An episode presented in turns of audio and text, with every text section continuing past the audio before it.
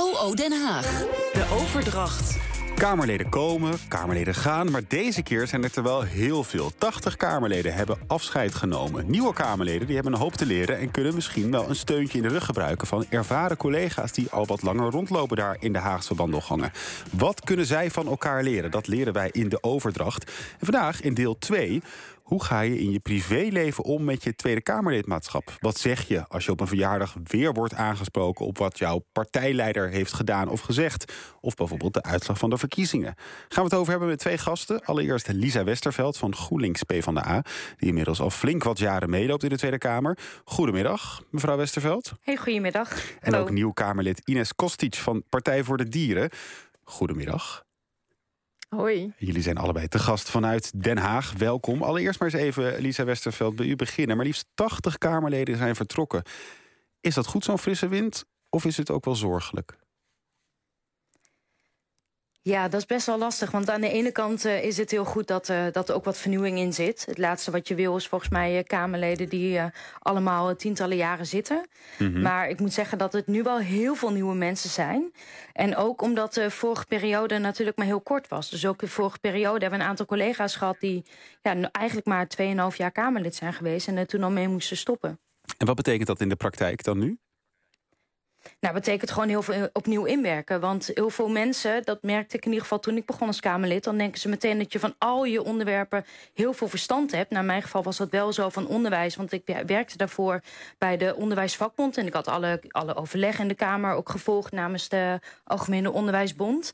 Maar niet van onderwerpen die ik kreeg, zoals jeugdzorg... zoals kinderopvang kreeg ik erbij. Dat zijn allemaal onderwerpen waar ik me toen mm -hmm. ja, volledig in moest verdiepen.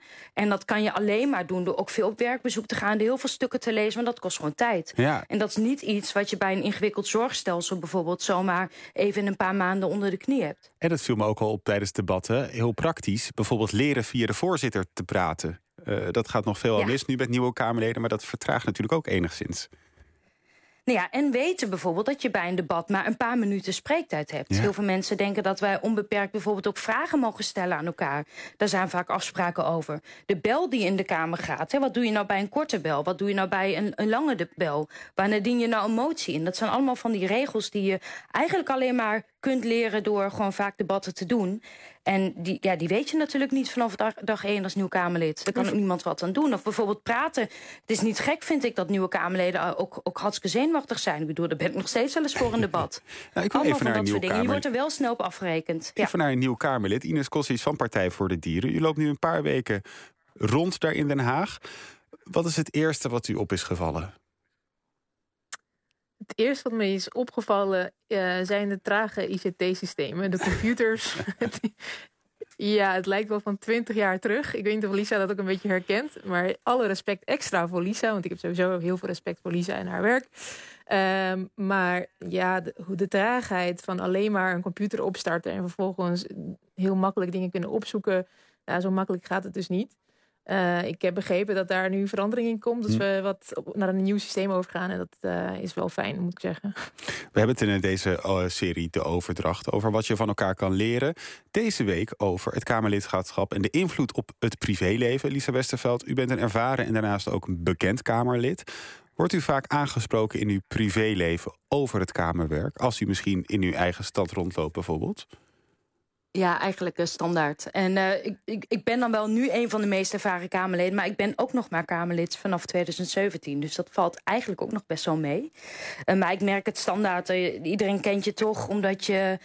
Ja, omdat ze misschien ik heb tv hebben gezien... of ze hebben inderdaad Jesse Klaver of Frans Timmermans iets horen zeggen... En, en dan willen ze aan mij vragen wat ik daarvan vind. Dus het gebeurt eh, eigenlijk standaard dat, dat ik word aangesproken... op iets wat er in Den Haag is gebeurd. En wat is het meest bizarre wat u heeft meegemaakt? Ik kan me voorstellen dat het soms positieve dingen zijn... maar ook negatieve situaties. Nou ja, het, gebeurt me wel eens dat ik, dat ik ben aangesproken op iets eh, wat, eh, wat, nee, wat een medekamerlid van mij dan heeft gezegd tijdens een debat. Terwijl ik het zelf eh, helemaal niet meegekregen, want ik zat in een ander debat. En ik begrijp dat goed hè, van mensen die die vraag aan je stellen. Want die denken, jullie weten allemaal precies waar het over gaat in Den Haag. Maar heel vaak ben je ook zo met je eigen onderwerpen bezig... dat je helemaal niet doorhebt wat er elders in het ge- Kamergebouw gebeurt. En soms dan lees ik het inderdaad ook op ja, de site van de NOS... of dan hoor ik op de radio wat er is gezegd. Terwijl mensen natuurlijk natuurlijk allemaal denken... dat wij met elkaar over, nou ja, het over ongeveer alles hebben. En dat is, is hier niet zo. Nee, dat in zo'n partij ook verschillende uh, nou, onderwerpen door elkaar heen lopen... en dat niet iedereen in die partij automatisch alles weet van elk onderwerp. Mevrouw Kostic, heeft u ook al zoiets meegemaakt? Bijvoorbeeld misschien wel toen de partij in het nieuws kwam rondom Esther Ouwehand? Uh, nou, mensen zullen me niet geloven, maar eigenlijk bijna niet. Uh, mensen zijn vooral heel erg bezorgd over... Uh, goh, je wilt naar de Tweede Kamer. gaat het wel goed met je? Ga je niet te druk krijgen? Zorg je wel goed voor jezelf? Um, dus eigenlijk, misschien heb ik een heel bijzonder uh, netwerk en, en vriendenkring. maar mensen hebben zich vooral eigenlijk bekommerd om mijn welzijn. En dat doen ze nog steeds. Ik heb daar nauwelijks echt vragen over gekregen. Ik denk ook dat dat ja, toen vrij weinig speelde bij mensen nou, in hun dagelijks leven. Dat ze gewoon veel meer benieuwd waren naar, ja, naar waar ik naartoe wilde, wat mijn motivatie was. Vindt u dat wel een spannend idee, nu u deze publieke baan heeft, dat, je ook meer aange dat u me ook meer aangesproken kan worden op straat? Ik vind het helemaal niet spannend. Ik vind het echt superleuk om met mensen in gesprek te gaan. Ik vind dat uh, politici, voor zover dat kan natuurlijk... want ik zie ook nu wel hoe hectisch het hier is. Maar ik was tot voor kort ook statenlid in mm -hmm. Noord-Holland. Daar heb ik alle mogelijkheden uh, gegrepen om echt met mensen in gesprek te gaan. Want daar leer je gewoon heel veel van. Van mensen gewoon op straat, maar ook maatschappelijke organisaties, vrijwilligers... Daar is waar het echt gebeurt. En dat wil ik zoveel mogelijk meenemen. Ook uh, richting de verkiezingen heb ik een zogenaamde zwevende kiezershotline geopend Mensen konden me uh, gewoon direct bellen. Op de 06. Uh, als ze twijfelden over wie ze zouden stemmen. En dat ging alleen maar goed. Ik heb geen enkel raar telefoontje gekregen. Het was alleen maar inhoud. Dus er is ontzettend veel moois in, in, in Nederland. Mevrouw Westerveld, zou u dan ook zeggen... dat is ook wel iets waar je voor tekent als je de Kamer ingaat... dat je ook eh, als publiek figuur wordt gezien... en dat er dus ook altijd die aanspraak kan zijn? Ja, dat vind ik wel. Uh, het is gewoon niet een gewone baan. Het is uh, iets wat je... Ja, politicus, je bent een volksvertegenwoordiger. Dus ik vind het heel logisch dat mensen je ook kunnen aanspreken. Het is natuurlijk wel... Ik, ik geef wel heel vaak aan, nou hier ga ik niet over. Of, hier, mm -hmm. of dit kan ik niet voor je oplossen. Je vroeg net naar bizarre dingen. Ik heb ook wel eens meegemaakt dat ik op bezoek was bij een instelling... en dat mensen aan het klagen waren over de lunch... en of ik dat ook even kon oplossen. en toen heb ik verteld, nou dit moet je wel echt zelf aankaarten... bij je eigen organisatie. En tegelijkertijd snap ik het ook wel. Hè? Want heel vaak dan, als, wij, als er een probleem ergens is... dan wordt altijd de eerste vraag aan politici is... en wat ga je eraan doen? Mm -hmm. Terwijl we natuurlijk best wel veel hier kunnen doen... maar ook, ook lang niet alle problemen moet je voor bij ons zijn. Mm -hmm. Maar ik vind het logisch dat mensen ons over van alles en nog wat aanspreken. Dan is het ook aan ons misschien om soms te zeggen... van nou, nu even niet, of, of dit ligt echt bij iemand anders... of hier uh, kan ik niks mee. Daar moet je gewoon heel eerlijk over zijn uh, richting mensen. En wat is dan ook de beste tip die u zelf, mevrouw Westerveld... kreeg toen u als Kamerlid begon over dit onderwerp? Om uh, iets nog te hebben naast je kamerwerken. Voor mij is dat bijvoorbeeld voetbal. Uh, ik probeer echt die, die zondag, en het, als het even kan, ook op door, twee door de weekse dagen... dinsdag en donderdag loop ik altijd met mijn sporttas rond... omdat ik hoop dat we op tijd klaar zijn, zodat ik nog naar mijn training kan. Maar in ieder geval die zondag die is voor mij echt gereserveerd voor voetbal. En er kan wel eens wat tussen komen. Maar dat is in de afgelopen jaren echt heel zelden gebeurd. Leven naast dat kamerwerk houden. Even die zondag leeg houden om te kunnen sporten. Ines Kosic, probeert u dat ook? Wat, wat, wat, is, wat doet u op zondag? ik probeer het wel, maar het is me nog niet uh, goed gelukt. Daar moet ik even een manier in vinden. Kijk, voor mij is best wel veel opnieuw. Qua inhoud uh, zit ik wel goed. Mm -hmm. Maar uh, inderdaad, wat Lisa beschreef, al die protocollen... en net weten wanneer wat wel of niet.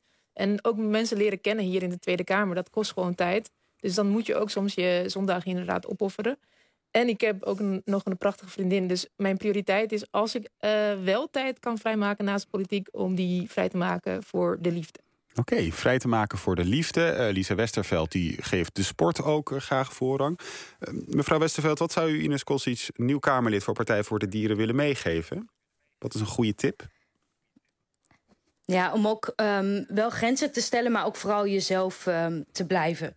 En wij waren bijvoorbeeld uh, afgelopen weken, hebben elkaar even ontmoet, uh, al, al wel ervoor, maar afgelopen vrijdag bij het Eurosonic Noorderslag-festival. Dat mm -hmm. was ook iets waar zakelijk en privé heel erg door elkaar liepen. Want we zijn allebei woordvoerder cultuur, daarom ben je daar. Daarom ben je daar ook om mensen uit de hele culturele sector te ontmoeten. En tegelijkertijd, daarna ga je met elkaar band, naar een band kijken. Ja, dat is ook leuk om dat, om dat te doen. Dus daar loopt Mhm. zakelijk en privé heel erg eh, in elkaar over. En ik, ja, en ik, ik denk altijd, wees heel duidelijk. En ook als mensen je nog heel laat in de avond... eh nee, om twaalf uur s'nachts of nog later beginnen over politiek... Wees daar, wees daar duidelijk in. Soms wil je het er wel even over hebben... maar soms dan ben je ook echt even iets anders aan het doen. En dan kun je dat maar beter ook, ook eerlijk zeggen. Want ook als politicus heb je soms ook gewoon leuke dingen nodig... om te blijven doen. En tegelijkertijd je blendt en blijft altijd ook die, ook die volksvertegenwoordiger. Interessant en al die verschillende hoedanigheden dus ook. Beide dank voor eh, jullie eh, tijd in deze uitzending. Ines Kosic, nieuw Kamerlid voor Partij voor de Dieren. En Lisa Westerveld, Kamerlid voor GroenLinks, PvdA... die sinds 2017 dus al in de Kamer zit. Het is een hele serie De Overdracht. Volgende week een nieuwe aflevering. Dan vertegenwoordigen van je regio in de politiek. Dat volgende week.